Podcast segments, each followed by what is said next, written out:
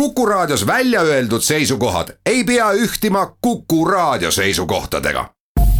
Te kuulate Kuku Raadiot.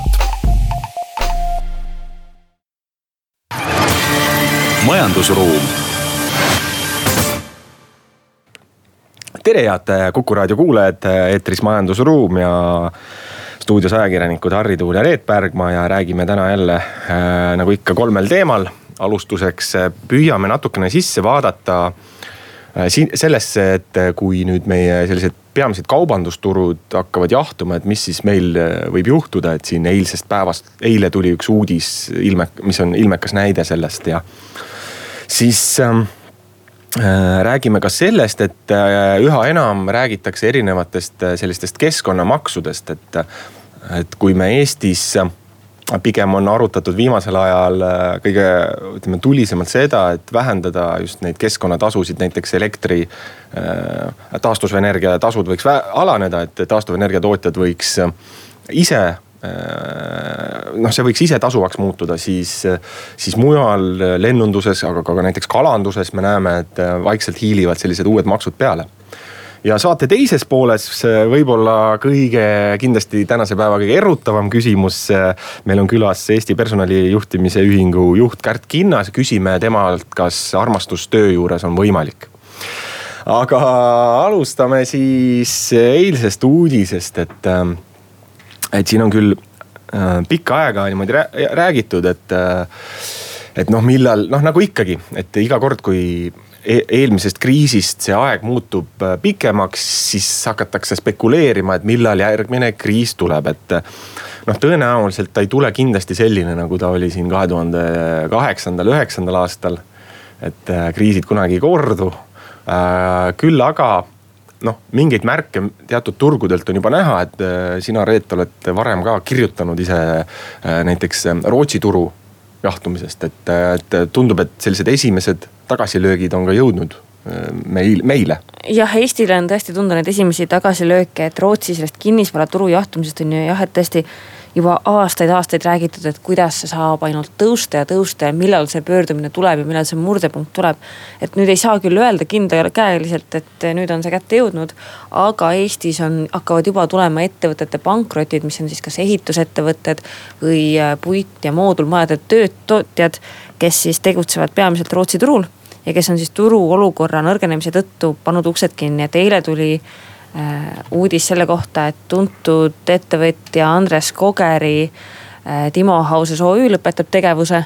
sest et äh, Rootsi turul läks vett, vett vedama, et äh, koondatakse kõik töötajad ja noh, veel enam, et nende töötajatega läks natuke nadisti ka, et viimase kahe kuu palk jääb saamata. et seis läks väga kiiresti väga halvaks ähm, ja noh, ega nad ei ole esimesed, et tegelikult sellest Skandinaavia turust on kirjutatud ka varas, varasemalt, et Ida-Virumaal läks. Modul House OÜ koondas ju sada üheksa töötajat, neil läks üks Norra projekti tõttu, läks kehvasti.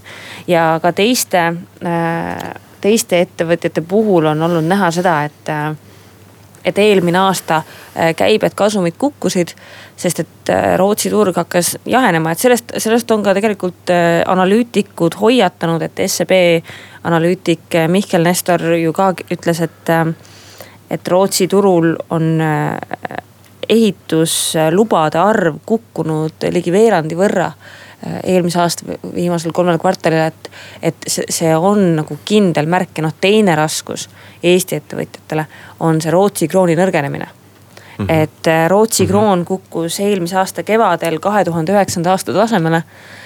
ma ei teagi, mis see praegu, praegu vist kümme koma kuuskümmend üheksa krooni saab ühe euro eest, et.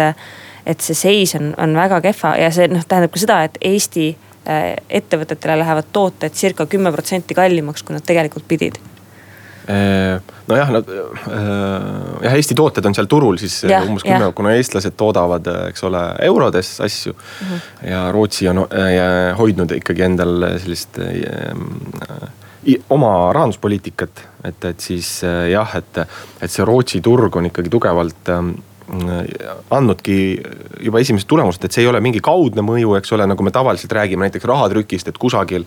et kuna Euroopa Keskpank trükib raha juurde, et, et siis kusagil vabaneb vaba raha, hakatakse investeerima ja siis tellitakse ka Eestist kaupa võib-olla, eks ole, selline mm. -hmm. vaid väga vahetu, vahetu mõju. et äh, ikkagi Eesti või noh, Rootsi turg on ju eestlastele Soome järel või isegi kõrval, kuidas vaadata.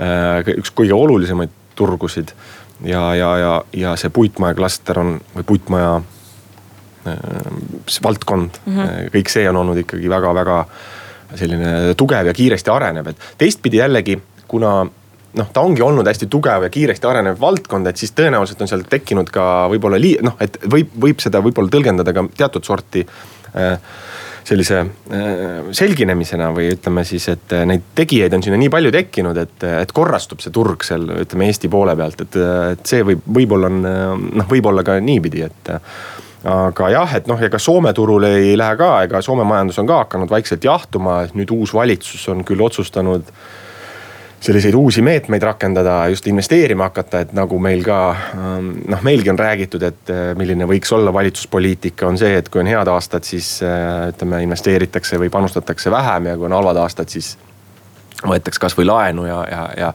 investeeritakse, et Eestis pole tegelikult, kui niimoodi vaadata, kunagi seda tehtud, aga, aga Soome on ikkagi süstemaatiliselt seda läbi aegade teinud, et kui on raskemad ajad, siis riik võtab mingisuguse panuse ja hakkab investeerima, et seal avanevad. ja noh, miks eestlastel jälle oluline on, eestlased väga palju ehitavad Soomes ja elavad Soomes ja nii edasi, et. et jällegi saavad, leiavad kindlasti tööd et kindlasti vist on vaadatud ka teistele turgudele, et. ja on küll jah, et aga ongi nüüd siin Eesti nii-öelda põhiliselt, kui me räägime nendest puitehitistest ja moodulmajadest, sest põhi, põhiturud ongi number üks on Norra, number kaks on Rootsi ja mm. -hmm ja siis ülejäänud jäävad juba tükk maad maha.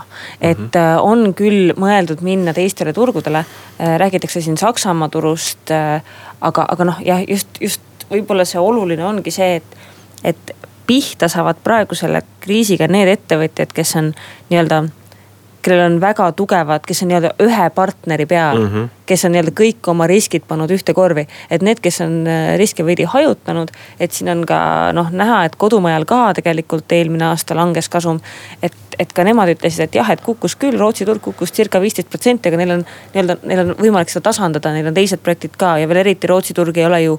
tegelikult me ei räägi praegu, kui me ütleme, et Rootsi ehitusturg kukub, siis kriis ei ole terves Rootsis, kriis on teatud piirkondades. noh, Stockholm, Uppsala, et vabandust, et, et jah, et, et mingid kindlad piirkonnad on need, mis on on nii-öelda löögi all just need, kus, kus need ehitusmahud vähenevad. et see ei ole tegelikult terve, terve Rootsi riik jah, ja äh, noh, äh, noh, kui laiemalt vaadata, no kuidas see erineb teistest, et tegelikult see nädal tuli ju ka uudis, et näiteks Baltika alustab koondamist siin. aga noh, selle kind-, see on hoopis teine lugu, et äh, tegu on pigem nagu edulooga, selles mõttes Eestil läheb nii hästi, et sellise noh, odava, odava hinnaga inimesi õmblema leida on sisuliselt võimatu. Ja Baltika lihtsalt lõpetabki Eestis tootmise ja viib selle hoopis Türki või igal juhul sinna regiooni. Et, et selles mõttes see, see ei ole üldse võrreldav noh, näiteks äh, selle äh, majade tootmisega, kus on ikkagi suhteliselt head palgad ja on täitsa konku-, Eesti firmad on tegelikult mm -hmm. vägagi konkurentsivõimelised äh, turul mm. -hmm aga jah, et noh, tegelikult teine haigus on veel siin mööda Euroopat käimas, et äh, on ju see kuidagi hinnatõus ei taha äh, vedama saada ja Euroopa Keskpank ongi otsustanud siin vaikselt rahatrükiga jälle alustada ja. ja noh, tavamõistuses hinnatõus tundub mingi halb asi, eks, et. ja hin-, suur hinnatõus kindlasti on, aga väike hinnatõus on äh, igal juhul hea ja ku, igal juhul parem kui hinnalangus. ja, ja, ja ma lihtsalt tooks selle kuulajatele välja, et miks hinnalangus halb on see, et, et kui et kui toode muutub iga päev või teenus iga päev üha odavamaks, siis inimesed hakkavad edasi lükkama selle tarbimist, eks ole, et kui sa saad, eks ole. noh, ma ei tea, pesumasina või teleka või, või kohvi kuu aja pärast odavamalt, palju odavamalt kui täna, siis sa lükkad selle edasi. ja siis kogu see majanduse mootor jääb nagu põhiliselt seis, seiskub, sellepärast et neid ei ole vaja toota enam muud ja, ja, ja nii edasi aga teeme nüüd väikese pausi ja lähme siis juba maksuteema juurde edasi majandusruum. Jätkame saatega, stuudios ajakirjanikud Harri Tuul ja Reet Pärgma ja korra tuleme veel selle äh, eh, nii-öelda jahtumise juurde tagasi, et Reet, sa siin panid tähele Soome kohta. jah, et me just rääkisime sellest, kuidas jah, kuidas see mhm. ehitusturu jahtumine ka, ka Soomes tähendab Eesti ettevõtjatele ja Eesti töötajatele Äh, avaldab väga suurt mõju. aga samas äh, Kaupaleht ja Helsingin Sanomat kirjutas hiljuti, et nii-öelda Eesti Kalevipoegade aeg Soomes on läbi. et nüüd lähevad Soome Eesti ettevõtjad ja ta tõi näiteks kaks ettevõtet, üks oli Jaapani restoranikett Eestis, Eesti ettevõtja poolt loodud Jaapani restoranikett, kes siis. Jaapani laienes, toidu siis jah? Jaapani toidu jah ja,, kes siis äh, laienes Helsingisse sinna uude kaubanduskeskusesse, mis nüüd värskelt avasid mm. -hmm. ja. Tripla vist. Tripla jah, jah, ja. ja siis teisena toodi näiteks see Eesti autopesulate laadne toode, iduettevõte, mis laienes Helsingisse. et, et jah, et see, see mõte seal oli see, et et nii-öelda ehitajad enam ei tule, vaid nüüd on see nii-öelda nagu me rääkisime, et odav tööjõud on läbi, et nüüd Eesti on saanud juba nii-öelda jah, et äh, samas noh, ongi iga selline kriis või muutus või jahtumine, see loob ka võimalusi kas teistele ettevõtetele, teistele töötajatele, et äh, uutmoodi lähenemisele, et, et selles mõttes, et kui näiteks soomlased või rootslased ise ka enam väga hästi seal hakkama ei saa, siis eestlased võivad võib-olla panustada või tuua mingit täitsa uut hingamist sinna turule nii, aga Soomes tuleb ka veel teine uudis, millest me täna tahtsime rääkida, et äh, on kogutud suure, suur hulk allkirju, et äh, kehtestada siis lennumaks Soomes või lendamise maks, et äh, ma ei teagi, mis see õige termin täpsemalt on ja see mõjutab vahetult ka lõpuks ka meid. Kindlasti mõjutab, et jah, et põhjanaabrid arvavad, et nad ei maksa piisavalt makse ja siis hakkasid koguma allkirju, et saaks veel, saaks veel tasuda, et äh, kokku koguti viiskümmend kaks tuhat allkirja ja Soome reeglite, noh seaduste kohaselt, kui kogutakse kokku üle viiekümne tuhande allkirja, siis tuleb, peab äh, seda algatust arutama parlamendis. algatus on siis see, et tahetakse kehtestada lennumaks. Äh, see ei ole iseenesest uus idee, Euroopas on mitu riiki, kellel on ka sarnaselt lennumaks kehtestatud. Mm, aga mõte on siis selles, et see on nii-öelda keskkonna et see raha, mis sellest maksust saadakse, see siis suunatakse keskkonnapoliitikasse, mis aitaks siis vähendada süsihappegaasi heitekoguseid. et äh, noh, nii-öelda kindlat äh, summat või need äh, pöördu või selle pöördumise algatajad ei ole välja toonud, aga nad toovad näiteks siis Rootsi kus lennumaks on kuus kuni nelikümmend eurot, sõltuvalt lennu pikkusest. no muidugi rootslased on selle lennu, neil on ka veel lisaks lennuhäbi ja neil on noh, veel lisaks sellele maksule on sul, on rootslastel ju see võimalus, et kui sa ostad lennupiletit, siis sult küsitakse, et noh, kõigepealt sa maksad oma maksu peale ja siis sult küsitakse, et kas sa oled, tahad äkki annetada veel lisaraha mille eest me istutame Aafrikasse puid, et noh, et sa, et sa mhm. saad veel lisaks annetada, et sul oleks ikkagi noh, et, et, et sa teeksid oma selle äh, lendamise nii-öelda keskkonnale tasa. Äh, ma rääkisin ka Tallinna lennujaama kommertsjuhi Eero Pärgmäega, kes siis ütles ka, et noh, et tema nagu ei saanud sellele väga pihta, et, et lendamine moodustab alla kahe protsendi äh, kogu sellest äh, süsihappegaasi heitest, et, äh, et, et kui maksustada siis maksustada neid nii-öelda suuri sõlmpunkti. Londonit, kus, kus läbib aastas kakssada miljonit inimest või siis Saksamaad, kus läbib sada viiskümmend miljonit inimest, noh lendajaid. et, et sellisel juhul on see mõistlik ja kusjuures mõlemas riigis on ka lend, lendamine maksustatud aga maksustada neid nüüd riikides nagu Rootsi või, või, või Soome või eri, Eesti, et sellel nagu väga mõtet ei ole. ja nüüd, kui me tuleme tagasi selle juurde, kuidas see eestlasi mõjutab. eestlased reisivad või lendavad väga tihti läbi Helsingi lennujaama mm. -hmm. ja seega nüüd, kui see lennumaks kehtestatakse, siis sa hakkad siis selle ümber või teise lennu pealt maksma lennumaksu äh, mis siis jah, võib su pileti hinnale, kui sa, kui sa sõidad Euroopa sees, arvatavasti tuleb kuni kümme eurot lisaks kui sa sõidad Euroopast välja, tuleb juba rohkem no iseenesest ei ole äh, ju tegu ka mingisuguse üüratu summaga, kui mõelda, et see üks lennupilet võibki olla seal saja, saja viie, kahesaja euro kanti, et. jah, sa, see, tõesti, kui sa niimoodi mõtled, siis ei ole. aga samas arvestades seda, kui tihe konkurents on Euroopa lennuturul siis ühel hetkel, kui sul läheb kaks lendu, sul on valida, kas sa lähed läbi, sõidad läbi, ma ei tea, Varssavi kus sul lennumaksu ei lisandu või sõidad läbi Helsingi, kus sa maksad kakskümmend eurot lisaks, siis see juba mängib tarbija käitumises rolli. noh, et siis on äh, Lotil, kes siis on siin äh, Nordicaga koostööd teinud ja põhimõtteliselt Nordica osad liinid ka siin üle võtnud on, siis võib tekkida teatud konkurentsieelis jah, seda küll, et võibki, võibki täiesti tekkida, et, et noh, Finneri, ta, Finnair on nii suur ja võimas firma, et see tõenäoliselt noh, ega ta pankrotti ei lähe. aga kui me vaatame seda, mis on juhtunud Rootsis, et äh, Rootsis, kus elanike arv kasvab, on lendamine, lendajate arv vähenenud äh, alates kahe tuhande kaheksateistkümnenda aasta teisest poolest praegusega võrreldes, see on vist mingi neli või viis protsenti, et ta väheneb, et varem oli see, et ta kogu aeg kasvas ja kasvas korralikult. ja nüüd on see lendajate arv hakanud vähenema, seevastu rongisõitjate, rongireisijate arv äh, tõuseb. et, äh, et see mõju on olnud väga suur ja noh, toon juurde, et Rootsis kehtestati see maks kaks tuhat kaheksateist ehk mm -hmm. siis äh, noh, muidugi see Greta Thunberg ja kogu see kliimaaktivism on ka sellele oma. jah, et seal, kas see ma tahtsingi sinna jõuda, et äh, võib-olla, et kas, mis osa on sellel maksul ja teine, mis sa siin korra mainisid, aga võib-olla kuulajale jääb natukene segaseks see Eesti kontekstis, kuna sellest pole väga palju räägitud. on see nõndanimetatud lennuhäbi, et äh, mis asi see, mis asi see on?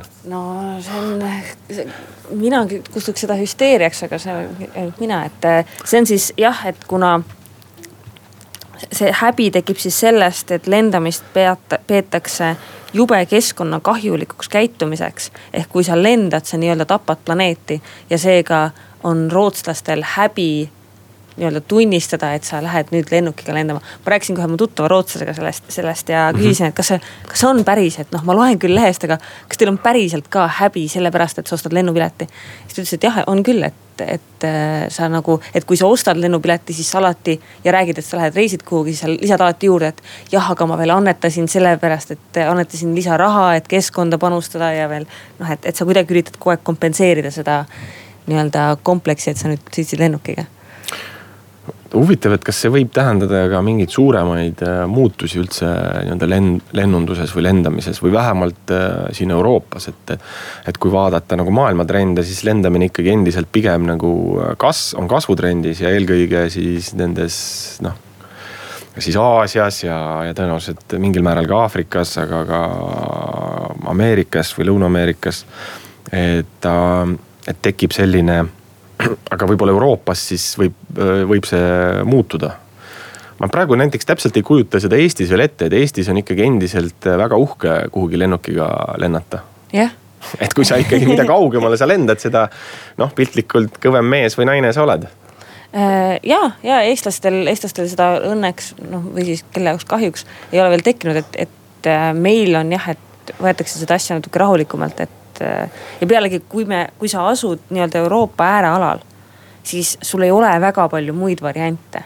noh, et tõesti, võib-olla tõesti siis pannakse mingisugused imelised kiirraudteed äh, käima, kui see lendamine muutub nii tabuks. selles mõttes on huvitav, et äh, väga paljud eestlased on ikkagi noh, sellise näiteks kasvõi Rail Balticu vast-, vastased, et eks ole, või kuidagi sõditakse selle vastu, aga kui mõelda siin lennunduse sihukese trendide või ütleme sellise suhtumise peale, siis tõenäoliselt selliseid inimesi, kes soovikski võib-olla aeglasemalt, aga rongiga sõita, pigem võib juurde tekkida, et äh. võib küll tekkida, noh või siis võib juhtuda see, et inimesed võtavad korra sammu tagasi ja mõtlevad, et kas nüüd see lendamine, mis noh protsentuaalselt nii suurt heitekogust tegelikult ei paiska, et kas on vaja tekitada paanika igast asjast, et. kui sa sööd samal ajal avokaadosid, mis tuuakse ka sul kargolennukitega sisse ja siis ütled, ma ei lenda lennukiga kuhugi, ma ei tea, Prantsusmaale noh. jah, see ökotoode toodud kusagilt eh, teiselt poolt maakera lennukiga ei, ei, ei pruugi olla väga öko. aga võtame selle teema praegu kokku ja teeme pausi, pärast seda on ju, on meil ju stuudios juba külaline mm. -hmm. majandusruum oleme tagasi stuudios endiselt ajakirjanikud Harri Tuul ja Reet Pärgma ning meile on külla tulnud Eesti Personalijuhtimise Ühingu Pare tegevjuht Kärt Kinnas. tere, tere. no selle nädala sellise ärimaailma ja, ja kui ma kasutan sõna maailma, siis tõesti kogu maailma selliseks, võib-olla selliseks kuumemaks teemaks on olnud äh, siin McDonaldsis juhtunu, et äh, McDonaldsi siis väga edukas tegevjuht, kes on siin paari aastaga ettevõtte väärtuse kahekordistanud ja pidi oma ametist taanduma, et kuna avastati, et tal on ühe kolleegiga tekkinud, kas ma, on tekkinud, eks ole, suhe. et tegu ei olnud kindlasti vist millegi sellise me too protesti taolisega, vaid täiesti tavaline kahe inimese suhe, sellegipoolest vaadati sellele negatiivselt, et, et kas see ongi, kas see on selline, see ongi selliste suurte korporatsioonide puhul tavaline? ma ei arva, et sellele vaadati negatiivselt, vaid järgiti korporatsiooni poliitikat, korporatsiooni personalipoliitikat, see on tõepoolest väga tavapärane ja ja minu meelest on väga õige, et seda järgiti, et äh, selline ootus oli tõenäoliselt ka töötajaskonnal. ja, ja, ja see on väga õige, et seda niiviisi tehti kui paljudel Eesti ettevõtetel on ka sellised äh, nii-öelda reeglid paigas juhtide ja alluvate suhete reguleerimiseks, kas see on levinud? väga levinud kirjalikul moel ei ole, küll aga on äh, suuremad korporatsioonid ka Eestis, kes, äh, kes on selle ära kirjeldanud ja see on ennekõike siis, äh, puudutab just juhi ja alluva suhtlust aga mis võib valesti minna, mis võib nihusti minna, kui sul on juht ja alluvus, kas te oskate tuua mõne näite? mis on nii-öelda halb näide no ta võib tekitada sellist favoritismi, kus, kus juht hakkab võib-olla eelistama äh, seda alluvat, kellega tal on suhe. Äh, võib äh, tekkida kommunikatsiooniprobleemid, et info läheb võib-olla välja valest kanalist ähm, kas on ka niimoodi äkki, et see reeglid tegelikult kaitsevad ka neid inimesi endid, et kuna isegi kui nad ise omavahel hoiavad väga selgelt, eks ole, tööd ja koduelu äh, lahus, siis äh, töö.... see ei ole väga võimalik, tööd ja siis, koduelu väga no, lahus hoida no olgu, aga selles mõttes, et äh, isegi kui nad ei eelista, eks ole, ega jaga mm -hmm. infot kuidagi eelis, eelistatult, et isegi siis, siis, siis teistel töötajatel tekib see kahtlus ja kogu see õhkkond ettevõttes nii-öelda. et see kahjustab õhkkonda. jah. aga kuigi, kui me räägime üldse tööõhkkonnast, siis äh, Te, me rääkisime, me rääkisime ennem ka sellest, et mm, tänapäeva töökeskkond on muutunud just see avatud töökeskkond, see startup-ilik eh, suhtumine tööle, kus kõik on veidi familiaarsemad võib-olla. kuidas see on mõjutanud töökeskkonnale, kuidas see on mõjutanud nii-öelda töösuhtlusele äh,? Töökeskkond on, äh, on tõepoolest ju muutunud võrreldes siin isegi kümne aasta tagusega, et töövormid on muutunud. tehnoloogia, mida me kasutame töös, on muutunud, mis tähendab, et äh, me oleme kogu aeg kättesaadavad praktiliselt. Äh, töötajad chat ivad omavahel kogu aeg, et selge, et see soodustab rohkem suhtlemist. ma just mõtlesin ka seda, et et tänapäeval ei ole selliseid äh, traditsioonilisi kontoreid, võib-olla kui oli kakskümmend aastat tagasi. on ka koostöökontorid äh,, ühistöötamiskohad äh,. jällegi soodustab äh, sellist suhete loomist, ma usun aga sul on hästi tihe suhtlemine, eks ole, et erinevate kanalite pidi, et kas see on, äh, ütleme sellise meeskonnatunde või sellise organisatsiooni vaimu, kultuuriloome mõttes pigem hea või pigem, või on seal mingeid negatiivseid äh, külgi ka? Ma arvan, et äh, see kindlasti soodustab sellist meeskonnatööd ja mõjub pigem hästi äh, meeskonnatööle ka. kui oluline üldse on selline ühtne vaim ja, ja selline ühtnesed arusaamad just äh,? ma arvan, et organisatsiooni edukuse mõttes on hästi oluline, et töötajate ja organisatsiooni väärtused klapiksid et nad saavad ühtemoodi aru eesmärkidest, kuhu poole me liigume, mida me tahame saavutada ja kuidas me sinna liigume, ehk siis need väärtused on olulised aga kuidas on just personalijuhtide töö muutunud viimase kümne aastaga? Äh, personalijuhtide töö on, äh, on muutunud äh, tänu sellele, et töö on muutunud. ja just nimelt erinevad töövormid ja tööaeg on paindlikumaks muutunud. rohkem tuleb tegeleda personaliseeritusega mida see tähendab? et me ei vaata enam äh, töötajaskonda võib-olla tervikuna, vaid rohkem individuaalselt iga töötajat eraldi ja keskendume tema vajadustele äh, põhjalikumalt mm.. Äh, seda ka näiteks tööaja vaates, et äh, kellele sobib äh, õhtune töötamine, kellele sobib hommikune töötamine, et me proovime vastavalt sellele tööaega korraldada. ja, ja ja mis veel on äh, viimastel aastatel personalitööd väga mõjutanud, on tööjõu nappus mm. -hmm. see tähendab, et personalitöötajad peavad olema täna äh, oluliselt rohkem turundajad, kui nad äh, on seda olnud varem. ja tegelema tööandja brändinguga ähm selline väga suur paindlikkus just töötaja suhtes, et ähm, on et kuidas tööandjad sellesse suhtuvad või kuidas nad, kas nad suudavad piisavalt kiiresti vastu tulla, kas nad on valmis selleks täna? organisatsioonid on muidugi erinevad mm, -hmm. aga, aga nagu ma viitasin, on, on tööjõuturul kestev tööjõu nappus ja kui sa tahad töötajaskonda Äh, hoida, töötajaskonda juurde saada, siis äh, sa pead mõtlema oma organisatsiooni kultuurile. ja sa pead mõtlema, mida sa täna oma töötajatele pakud ja kuidas sa seda pakud. Ehk siis. Äh, kui töötaja soovib rohkem paindlikkust, rohkem personaliseeritust, siis täna sa pead talle tulema selles mõttes mõne, mõnes mõttes nagu vastu. tegema koostööd.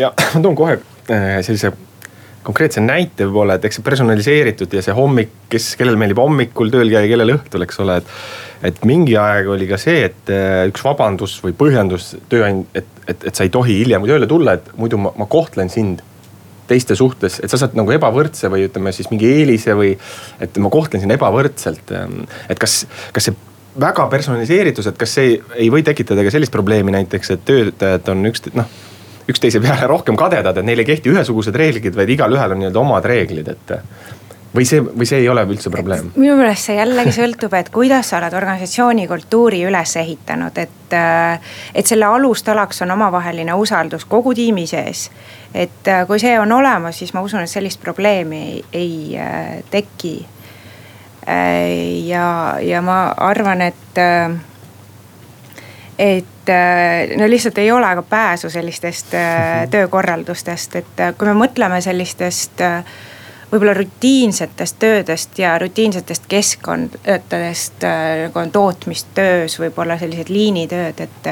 et seal on ka ju töö muutunud, et on, on tulnud automatiseerimist rohkem. et jällegi, kui me räägime, kuidas personalitöö on muutunud, siis, siis väga palju tuleb tegeleda inimeste oskuste arendamisega. Äh, et äh, me vajame täna tööturul teistsuguseid oskuseid. Äh, minu meelest on väga hästi on öelnud Jacob Morgan, et kui enne tegid inimesed robotite tööd, siis robotid teevad neid neid töid nüüd ise ja inimesed saavad teha siis seda, mida nad äh, on, on mõeldud tegema. -hmm. ehk siis selliseid rutiinseid, äh, ühetaolisi etteantud mhm. liigutusi tegelikult -hmm. üha rohkem automatiseeritakse. Te ütlesite, et, et töökeskkonnas ja töö, töökultuuri hoidmiseks on kõige olulisem usaldus ja. töökeskkonnas. mida teha, kui usaldus on kaotatud ja kuidas seda tagasi, kuidas seda uuesti luua? see on väga-väga keeruline Äh, väga sageli kaasneb sellega ka juhtide vahetus. Ütleme niimoodi, et juhid on juba vahetunud, mis siis teha, et kuidas seda, kuidas seda saada tagasi? Äh, kui juhid on vahetunud, siis on väga hea pinnas äh, kasvatada uut usaldust uute inimestega, et seal on aluseks avatus, ühiste väärtuste leidmine. Äh, see kultuuri äh, küsimus mind äh, väga vaevab, et olles ise erinevates organisatsioonides mm -hmm. töötanud, siis järjest rohkem ise tunnetan selle olulisest, et see ei ole miski, mis on otseselt, ta võib olla ka kirja pandud, aga ta on ikkagi mm -hmm. selline nagu nii-öelda vaimsus ja see et kuidas seda, kust see üldse alguse saab ja, ja, ja kuidas, kas ja kuidas seda üldse saab mõjutada välistulija või näiteks mingi hetk ongi vaja muuta, eks ole, kultuuri, et, et kuidas seda teha ma, ma olen seda meelt, et noh, kui organisatsioon on võib-olla väike ja hästi toimiv, et siis ei peagi ju asjad kirja panema. isegi kui suures organisatsioonis asjad toimivad hästi mm, -hmm. ei olegi see ülereguleerimine teinekord hoopiski nagu piirab ja loob takistusi. et, äh, et kultuur tuleb inimeste seest ennekõike siis see, kuidas seda organisatsiooni juhitakse Äh, ju-, äh, organisatsioonid on sageli oma juhtide nägu. ja muidugi on lisaks juhtidele ka selliseid äh, kõnekaid võtmeisikuid, kes kujundavad organisatsiooni kultuuri. nii et see väide, et kala mädaneb peast, on, on tõsi? ma tahaksin sellega nõustuda. selge, teeme väikese pausi.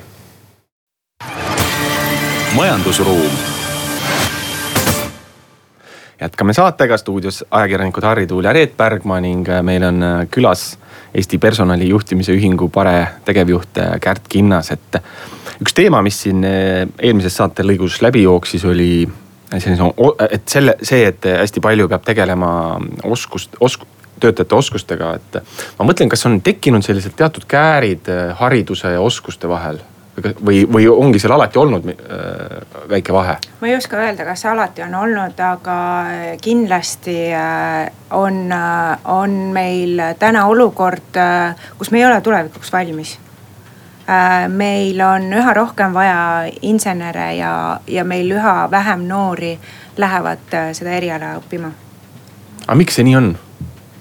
kuigi noh, ratsionaalne ütleb, et kui me, kui seda töökohta on kõige rohkem vaja, et ma võiks ju seda õppida. ma ei, ma ei oska öelda, mul on endal ka kodus äh, noor, kes ei, äh, kes ei, täna ei mõtle sellele, et ta võiks minna inseneriteadust äh, õppima, kuigi see on ju väga huvitav eriala, et ta pigem nagu vaatab humanitaarpoolt, et võib-olla on asi selles, et see ei ole olnud piisavalt atraktiivne siis neile või, või, või on see, tundub liiga keeruline võib-olla on seesama kommunikatsiooni küsimus, et ei ole väga lahti selgitatud, mis asi see inseneriala päriselt on ja mis tööd sa pärast tegema hakkad võimalik. aga ma nüüd küsiks kohe siit äh, ja. järgi, et äh, paljud juhid on kurtnud, et äh, meil on suur lumehelbekeste probleem. kõik töötajad, kes tulevad, küsivad kaks tuhat eurot palka, tööd teha ei oska, kogemust ei ole. et kas, kas juhid, kas, kas see kaebamine on nagu õigustatud või siis on see nii-öelda üle vindi ähm,? Mina, mina olen seisukohal, et lumehelbekesi ei ole olemas äh, inimeste seas, et äh, erinevaid äh, suhtumisi on nii vanemate inimeste kui noorte seas. küll aga on noorte töökultuur oluliselt teistsugusem, kui on paar põlvkonda varem vanemate inimeste töökultuur, nende ootused tööle on teistsugused ja võimalik, et äh, juhid ei tule toime selle muutunud äh, ootuste ja töökultuuriga ja, ja ma küsiks ka nüüd vastu juhtide kohta, et väga palju on samuti räägitud, et Eestis on juhtimiskultuur väga halb. et äh, kas te olete sellega nõus, mis meil on halvasti? mis on hästi ka. ja mis on hästi ka jah, jah, mis on hästi, mis on halvasti on tehtud ju mitmeid uuringuid, mis ütlevad, et Eesti juhtimiskultuur on üks Eesti nõrgemaid külgi ja me oleme oma juhtimiskvaliteedilt äh, Euroopa Liidust äh, maas. Äh, ma arvan, et see tuleb meie ajaloost mõnes mõttes. ja, ja, ja ka Eesti Vabariigi algusaastatel, üheksakümnendatel siis need inimesed, kes asusid ettevõtteid looma ja ettevõtteid juhtima, olid teistsuguse töökultuuriga kui me täna vajame. aga, aga nemad on endiselt juhid äh, ja nende kultuur ei ole muutunud. aga mis need, äh, kui noh tuua kasvõi ma ei tea, paar-kolm mingit näidet või, et mis need vajakajäämised peamiselt on, et kas ollakse noh, selline endal tekib peas, et kohe, et sihukene võib-olla liiga autoritaarsed või sellised see autoritaarsus ja tõepoolest on üks äh, meie juhtimiskultuuri äh, peamisi tunnuseid, et äh, sellest on meie juhtidel raske lahti saada. aga noh, ei saa öelda, et, et meil oleks ainult halvad juhid, et me räägime siin hästi negatiivselt. tegelikult on meil ka väga häid juhte Eestis olemas. me valime ju iga-aastaselt parimat juhti, sellel aastal Jaanus Vihand Apollost mm, -hmm. et ma arvan, et äh, head juhti iseloomustab äh, ennekõike mõistmine, miks talle need inimesed vajalikud on. Äh, mis tähendust nad loovad ja kuidas nad äriedule kaasa aitavad. aga kas nii-öelda selles samuses saab saia teha, et, et kui sul, kui sul on inimene, kes isikuomaduste poolest tegelikult juhiks võib-olla ei sobiks, kas on võimalik igast inimesest juhti kooli, head juhti koolitada? Ma ei arva, et sellega peab nüüd lõpuni pingutama, kui inimene on väga hea spetsialist, siis ta võiks jääda oma spetsialisti liitu, liistude juurde. ta ei pea tingimata kasvama juhiks ja ma arvan, et Eestis äh, on ka väga palju sedamoodi olnud, et spetsialistid on juhtideks äh, kasvanud ja mitte keegi ei ole neile rääkinud sellest, kuidas ta peab äh, tiimiga toime tulema. äkki tal on selja taga neli või nelikümmend inimest ja ta ei tea, mida nendega peale hakata sest ta ei ole kunagi pidanud inimesi juhtima. no juhi ülesanne on äh, noh, ütleme inglise keeles on võib-olla see terminoloogia juhtimisel parem kui eesti keeles, aga et mitte ainult nagu manageerida, eks ole, seal ma ei tea, lüüa arve kokku, vaid ka juhtida nagu olla liider. aga kindlasti tekib äh, ja luua kultuuri, nagu me siin rääkisime, aga tekib võib-olla ka olukordi, kus mõned töötajad. noh, kuidas ma ütlen, ei käitu võib-olla kõige paremini, et mis, mis hetkel või noh, kuidas seda otsustada, et kas selliseid nii-öelda ussitavaid töötajaid, kas neid tuleks ikkagi hoida või pigem nagu isoleerida ja kuidas see mõjub, mõjuks näiteks organisatsioonile üldse? sõltub hästi äh, situatsioonist, et äh, kõige hullem, mis juht sellises situatsioonis teha saab, on sellega tegelemata jätmine ja äh, mida sageli just mhm. tehakse, et äh, kuna olukorrad on keerulised ja nende lahendamised äh, rasked, siis peidetakse pea liiva alla ja nendega ei tegeleta, aga see tavaliselt äh, viib olukorra veel hullemaks aga, aga mis siis teha selle nii-öelda noh, seda on nii palju räägitud, sul on kollektiivis nii-öelda tilk tõrva, mis rikub selle mehepoti ära, et kuidas sa seda, mis sa selle tilga tõrvaga teed? Kuidas sa seda saad, kas sa saad nagu minna inimese juurde öelda, et kuule, ole hea, ära ussita enam või, või kuidas seda, kuidas sellega toimetada? kõigepealt võiks alustada sellest, et uurida, mis tema probleem on mm. -hmm. mis selle taga on mm? -hmm. Mi, mi, miks ta nõnda käitub, mis tema eesmärgid on mm? -hmm kui tihti tullakse nii-öelda personalijuhi ukse taha, et juht tuleb ja ütleb, et noh, et mul on nüüd niimoodi, et mul on siin nelikümmend inimest, keda ma juhtida ei oska ja nendega on probleeme, et kas te saate, et, et võtke nüüd üle, et mina löön neid arve kokku, et tegelege ise selle. ma arvan, et personalijuhid on sellised äh, initsi-, initsiatiivi võtjad siin pigem, et nad näevad neid probleeme organisatsioonis ise ja nad algatavad neid äh, muutusi. Nad äh, võtavad äh, juhid käe kõrvale, viivad nad koolitustele, tegelevad nende arendamisega, otsivad neile coach'id mm. -hmm ja ma tuleks nüüd ringiga tagasi selle romantika juurde, et äh, ma kuulsin kunagi ühelt äh, tuttavalt personalijuhilt, et need humoorikas võtmes rääkis, et anekdootlikku lugu, et peale ettevõtte suvepäevi hakatakse siis personalijuhi kontoris ära lappima, et mitu perekonda seekord siis ära lõhuti, et. et kas, kas selline asi on tõsi ja, ja kui palju tuleb sihukeste asjadega tegeleda?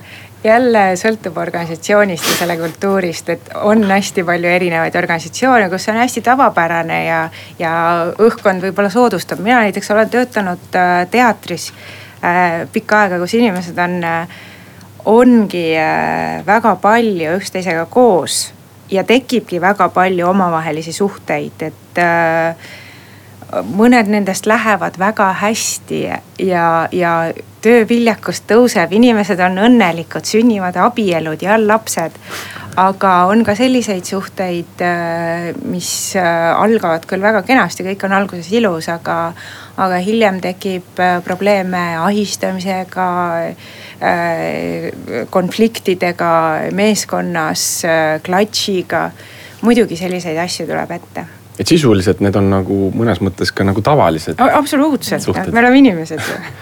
Aga ma küsiks eh, selle poole pealt, et värbamise poole pealt eh, ühe küsimuse, et et nüüd on nagu, kes on, kes värbab, et kas on personali, ütleme juht või personalispetsialist või pigem see juht ise, et või kuidas need tänapäeval, kuidas see tänapäeval? Äh, ma küsiks personalijuhina siit juhilt, et kas mina hakkan temaga tööle või juht hakkab temaga tööle no ma olen äh, näinud lihtsalt olukordi, kus nii-öelda personaliosakond justkui vastutab värbamise eest mm -hmm. ja mhm. juht ütleb, ahah, sa tulid nüüd tööle. personalijuht on äh, äh, siin väga suureks toeks, ta saab teha hästi palju eeltööd ära, teades, milline organisatsioon on, millised väärtused on.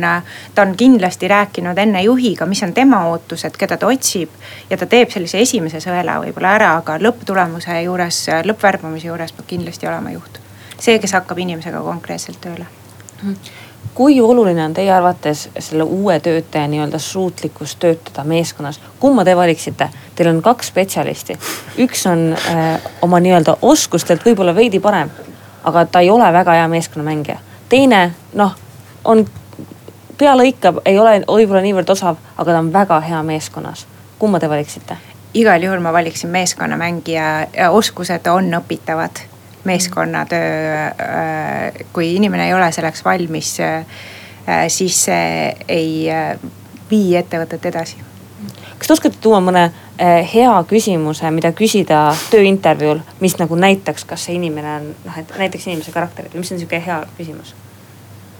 mina olen personalijuhina palunud inimestel kirjeldada mõnda oma kogemust ja siis sel, läbi selle äh, välja noppinud äh, kas siis koostöökohti või oskuste kohta äh, mõned asjad ja sealt läinud nagu detaili edasi, et, äh, et see, kuidas inimene kirjeldab oma päris situatsiooni äh,. see annab päris palju tagasi äh,, päris palju infot aitäh, äh, meil oli külas Eesti Personalijuhtimise Ühingu Pare tegevjuht Kärt Kinnas, stuudios olid ajakirjanikud Harri Tuul ja Reet Pärgma. kohtumiseni majandusruumis järgmisel nädalal. Majandusruum